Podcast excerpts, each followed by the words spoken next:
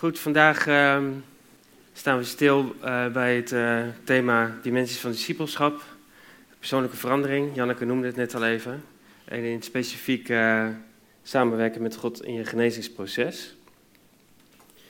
Um, daar gaan we straks wat verder op in, maar ik wil het graag inleiden met ehm, de informatieoverload die we regelmatig op ons af krijgen. Nou, heb ik alleen even een uitdaging met de beamer. Even kijken. Nou, dat is toch een mooi plaatje van informatieoverload. Iemand die verzuipt in informatie. Ervaar je dat ook wel eens?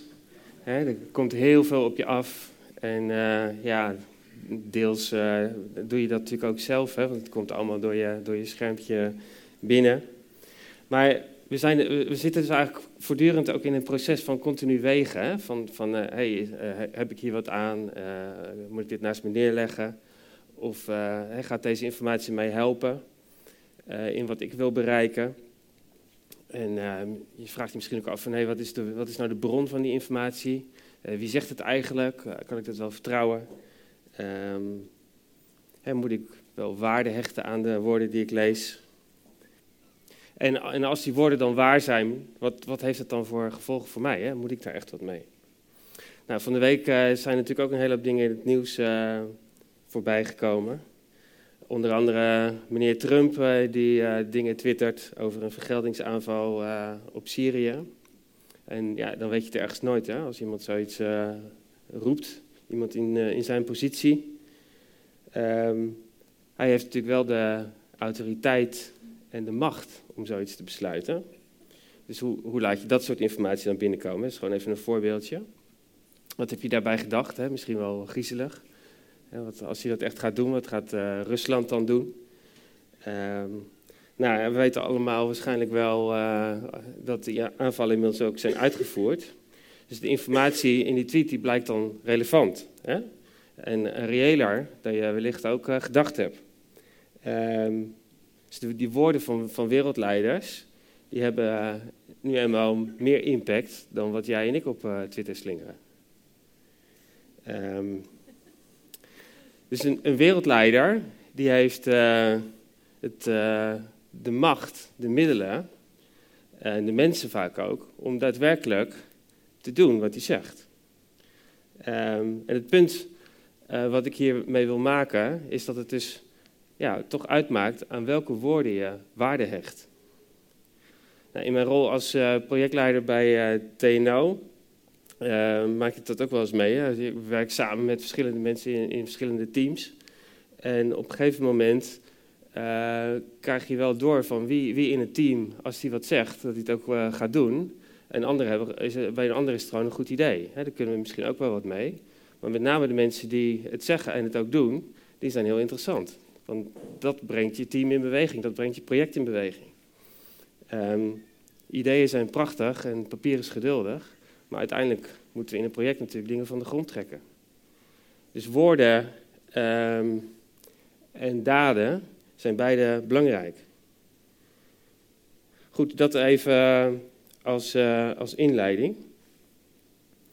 Vandaag willen we kijken naar uh, samenwerken met God in je genezingsproces. En het, uh, het doel van het genezingsproces, dat, uh, dat is zeg maar dat we heel worden, dat we uh, geestelijk gezond en geestelijk volwassen worden.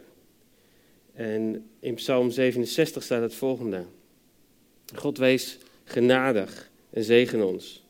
Laat het licht van uw gelaat over ons schijnen. Dan zal men op de aarde uw weg leren kennen. In heel de wereld uw reddende kracht dus als we Gods genezende kracht in ons eigen leven willen ontvangen, dan is dat prachtig om voor onszelf te ontvangen. En God wil je dat ook echt geven uit liefde. Maar het is groter en krachtiger dan dat. Gods reddende kracht uh, mag uit jou stromen naar de rest van de wereld. Maar dat betekent wel dat we het eerst zelf ook mogen ontvangen. Samenwerken met God in je genezingsproces. Wat is het prachtig als Gods licht, het licht van zijn gezicht, op jou straalt. Heb je dat wel eens ervaren? Durf je dat je eigen te maken. Dat God naar jou kijkt. Dat hij naar je glimlacht. Dat hij jou ziet. En zich niet schaamt en niet wegkijkt, maar die trots op je is. Gods glimlach over jouw leven, over wie jij bent. Hoe hij jou gemaakt heeft. Samenwerken met God in je genezingsproces. Samenwerken suggereert dat hij iets doet en dat wij ook iets doen. Hè? Dus we hebben allebei een, uh, een rol daarin. Dus het is ook belangrijk om te weten van, hé, hey, wat is dan onze rol? Um, en wat eh, gaat God doen? Um, ik weet niet of jullie van de week de zwee gelezen hebben die ik rondgemaild heb. En daarin uh, heb ik geschreven dat een van de namen van God uh, Jehovah Rafa is. En wie weet wat dat betekent, dan kan ik meteen zien wie hem al gelezen heeft. God die geneest, precies. Dus daarmee hebben we de rol van God helder. God geneest, dat hoeven wij niet te doen. Um, maar wat is dan onze rol? Wij mogen dat ontvangen. God geneest, wij mogen zijn genezing ontvangen. En um, ja, wat betekent dat dan? Nou ja, je misschien wel laten behandelen door zijn woorden en die, die ook als een medicijn innemen. En het eerste en het belangrijkste wat we eigenlijk kunnen doen, is iemand die verstand heeft van jouw gezondheid, om die ook serieus te nemen. dat is eigenlijk ook wat je doet als je naar een dokter gaat. je gaat niet naar een dokter om, uh, om te zeggen van, nou joh, uh, wat jij allemaal zegt, dat is allemaal leuk, maar uh, daar ga ik even niks mee doen. Dat zit niet in mijn agenda vandaag. Je neemt dat, je, neemt dat serieus, want je gaat ervan uit dat iemand verstand van zaken heeft en dat hij weet waar hij het over heeft. Dat hij ook weet wat het effect is van bepaalde medicijnen bijvoorbeeld. Gods woorden zijn medicijnen voor ons. Maar in deze tijd van informatieoverload, waar we aan het filteren zijn wat relevant is, hè, wat ik net al uh, zei, hoe gaan we daar dan mee om met die, met die woorden? Hoe kijken we naar Gods woorden?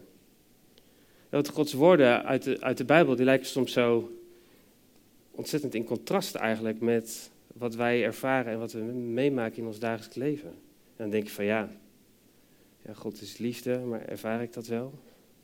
God wil, God wil mij genezen, maar ik, uh, ik voel me ziek. God wil mij hoop geven, maar ik ben, ben depressief, ik, ik voel me niet oké.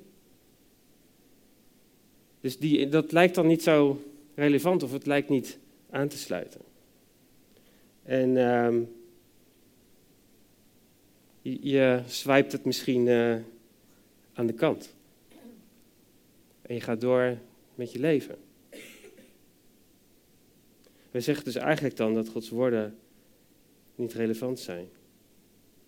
Maar waar ik vandaag eigenlijk met, eh, met jullie bij stil wil staan, is dat Gods woorden een veel grotere realiteit zijn dan alles wat langskomt op jouw schermpje. Misschien heb je nog wel grotere en andere, en tv en noem maar op. En vaak zien we dat niet zo en daardoor missen we eigenlijk de genezende realiteit van Gods woorden.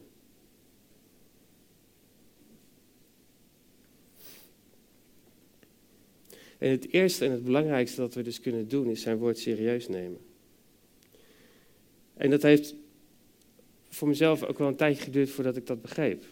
Ik heb vaak, uh, ik heb wel eens verteld hè, dat ik uh, zelf ook genezing nodig had.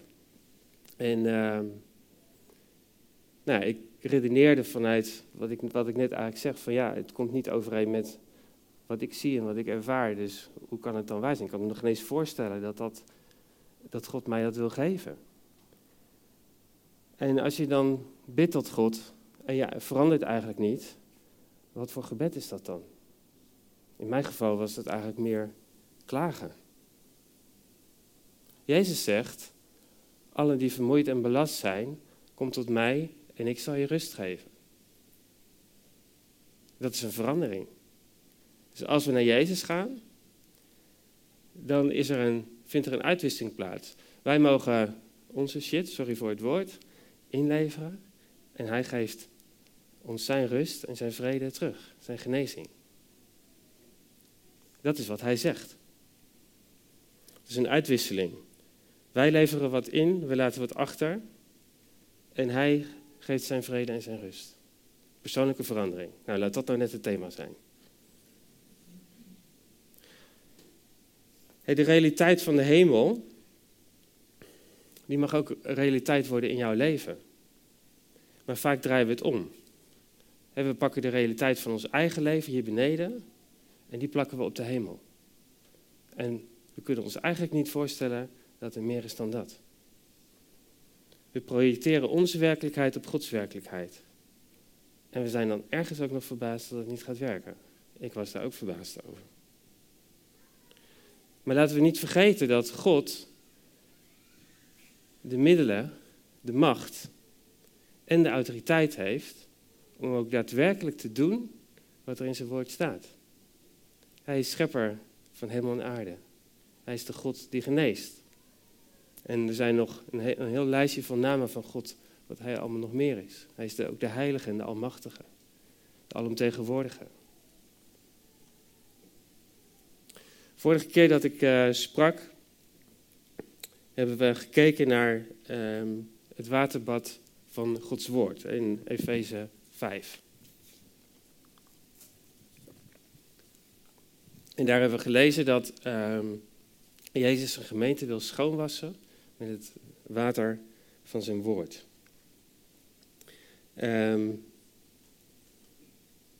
als we dit woord nou eens als voorbeeld nemen. Jezus wil zijn gemeente schoonwassen door haar te baden in zijn woord. Nou, moet ik nog uitleggen dat zijn gemeente, dat wij dat zijn? En dat Jezus hier is? Dus als Jezus dat zegt, dan wil hij dat ook doen. Zo eenvoudig zit ik erin. Dus dan, dan mogen we ook wat verwachten. Jezus was erbij toen, toen deze wereld gemaakt werd.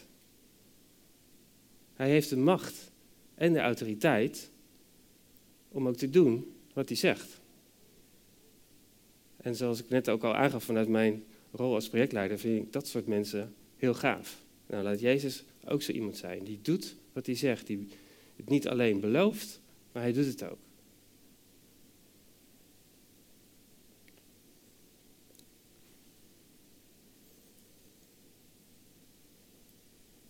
Dus het is belangrijk dat we die realiteit van boven leren begrijpen. Dat we ons daarna uitstrekken. En dat we niet vast blijven zitten in ehm, ja, wat we hier zien, wat we hier ervaren. Gods woorden zijn als het ware profetisch. Wat nu niet is, wil hij zeker nog gaan doen. Ook in jouw leven. Zodat wij als gemeente zonder vlek en zonder rimpel voor hem zullen staan. Zodat we zuiver zullen zijn. Nou, de realiteit hier beneden is natuurlijk, als je om je heen kijkt, ehm, dat we daar nog niet zijn. Als we echt eerlijk zijn tenminste. Als ik naar mijn eigen leven kijk, dan zijn er nog zeker terreinen waar uh, winst te boek is, laten we het zo zeggen. En welke conclusie wij daar dus aan verbinden, aan dat verschil in die realiteit, dat, ehm, dat is het punt. Laat je de perspectief van deze wereld leidend zijn in je leven? En de, en de mogelijkheden die je om je heen ziet? Of, of grijp je hoger en grijp je naar die realiteit van Gods woord? En laat je dat leidend zijn in je leven. En als we dat echt willen doen, dan betekent dat eigenlijk een proces van persoonlijke verandering. Een persoonlijk genezingsproces, zou je willen groeiproces. We mogen dus met Jezus samenwerken in dat genezingsproces.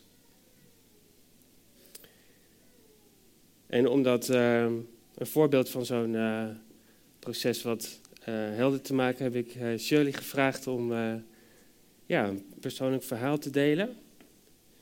En ik zou even de microfoon erbij hebben. De loopmicrofoon, heb je die? Dankjewel. Nee, Shirley, dankjewel dat je de moed hebt om je persoonlijke verhaal met ons te delen. Dus ga je Ja. gang. Oké, dankjewel.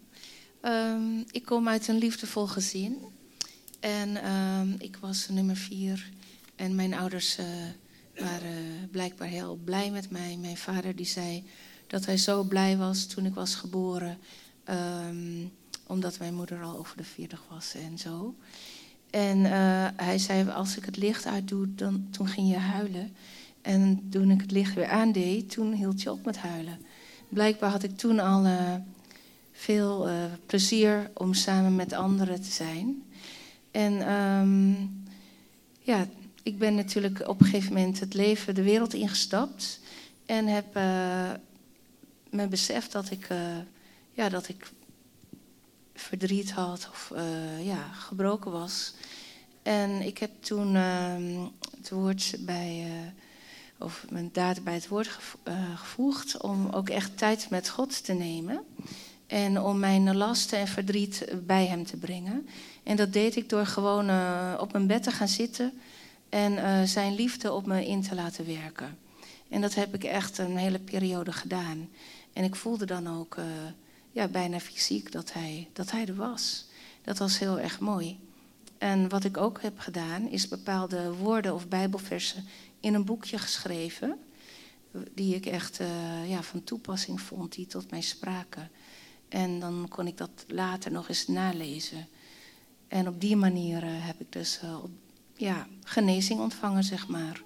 En nu eh, voel ik me niet meer eh, gebroken of verdrietig. Dus eh, ik zou zeggen recept voor genezing. Je hebt het medicijn tot je genomen. Dat heeft je geholpen. Ja.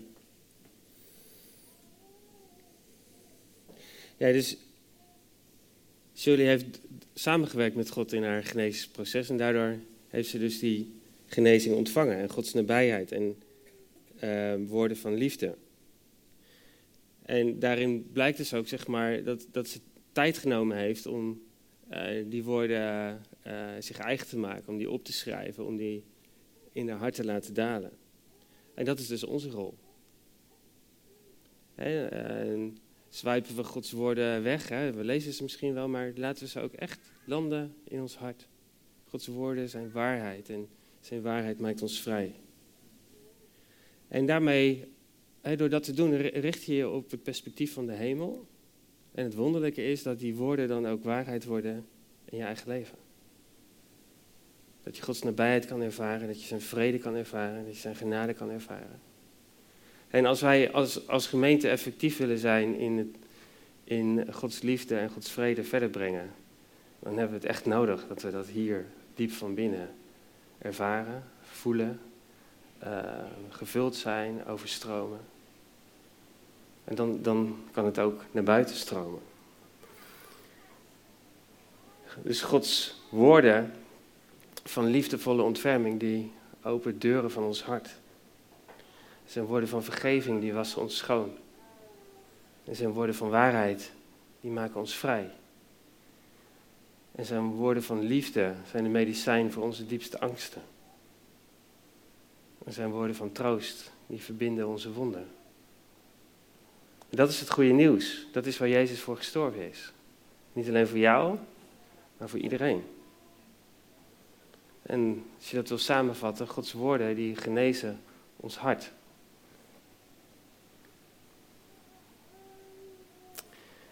Dus als, als Jezus op zoek is naar een gemeente die zonder vlek of rimpel voor hem staat, dat hij ons wil schoonwassen door zijn woord,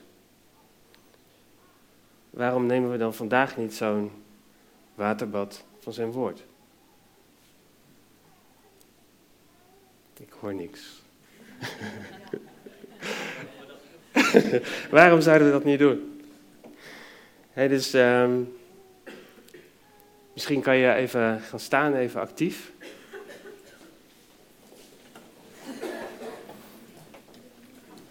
En ik wil jullie graag meenemen in een waterbad van Gods woord. En ehm, ik wil daar een van de psalmen voor gebruiken. Dus ehm, zijn gewoon woorden uit de Bijbel. Ehm, dus je hoeft niet eh, bang te zijn dat we rare dingen gaan doen. Of dingen die je niet verwacht. Ehm, maar ik heb eigenlijk, eigenlijk toen ik hierover over nadacht, uh, Janneke sprak vorige week over een droom. Nou, mijn droom voor vandaag is dat, ehm, dat God met zijn liefde, met zijn veiligheid ehm, in ons midden is. En dat de muren die we misschien hebben en de dingen die, we, die in ons leven spelen, die, waar we ons voor schamen, dat die misschien, dat we vandaag de moed zouden hebben dat, dat we die naar boven laten komen. En dat, dat God daar wat mee kan doen en dat we van elkaar kunnen houden door voor elkaar te bidden en een, en een hand op elkaar kunnen leggen. Dat uh, Gods woorden ons vrij zouden maken van de dingen die ons vasthoudt. Dat uh, Gods woorden ons schoonwassen. Dus uh, ja, ik wil graag voor jullie bidden. Dus open je, je ogen. Open je oren. Open je hart. Open je denken voor de realiteit van Gods woord. Zodat je Hem mag zien, dat je Hem mag horen, dat je Hem mag ervaren, dat je mag voelen met al je zintuigen. Vader, dank u wel dat uw woorden niet alleen zijn om over na te denken, maar dat, dat ze reëel zijn en dat ze persoonlijke verandering teweeg brengen.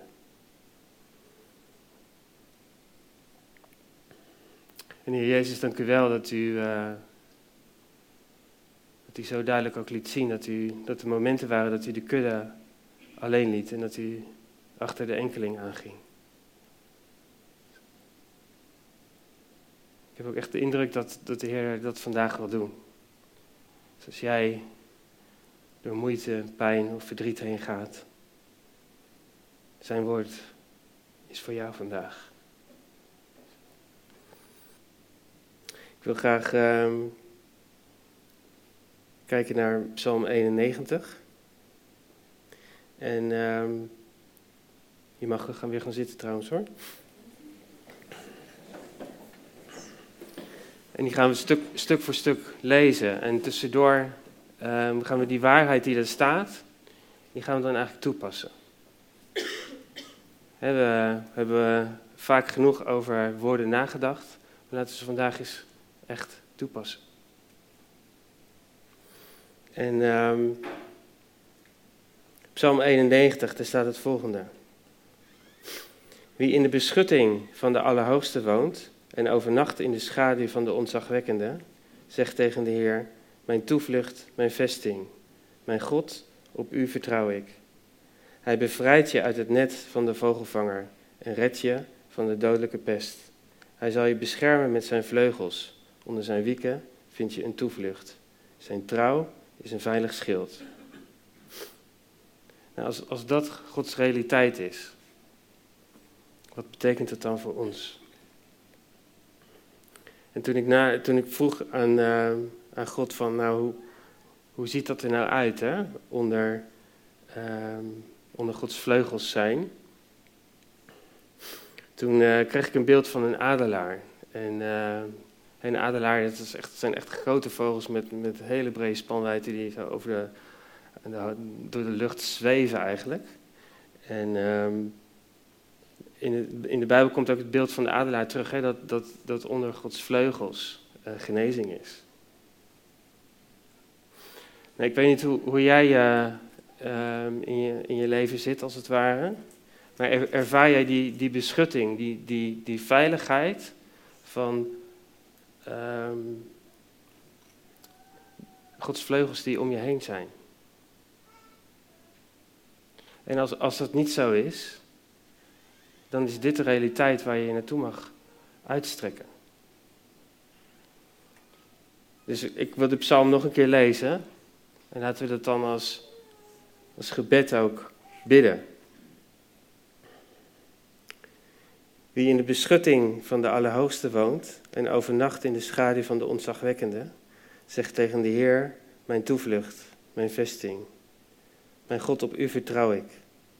Hij bevrijdt je uit het net van de vogelvanger en redt je van de dodelijke pest. Hij zal je beschermen met zijn vleugels. Onder zijn wieken vindt je een toevlucht. Zijn trouw is een veilig schild. En de namen van God die in deze tekst terugkomen, de Allerhoogste, Jehovah Elion, en de Almachtige, Jehovah El Shaddai, die gaan dus echt over Gods bescherming. En wat mij ook trof, dat heb, ik nooit eerder ehm, gezien eigenlijk, maar deze psalm is een psalm van Mozes. En als Mozes dus denkt aan het plaatje van uh, de schaduw van de Almachtige, dan denk ik van schaduw in de woestijn. Wanneer heb je dat? Nou, de wolkolom, Gods aanwezigheid, dat was de schaduw. Dus om te overleven in de woestijn, was Gods aanwezigheid nodig in de wolkolom. Nou, om te overleven in deze wereld, met volheid van leven, hebben we Gods nabijheid nodig. Ik kan niet zonder. Wil je, wil je, dat, wil je dat ontvangen? Wil je, wil je naar die werkelijkheid, wil je, wil je uitstrekken?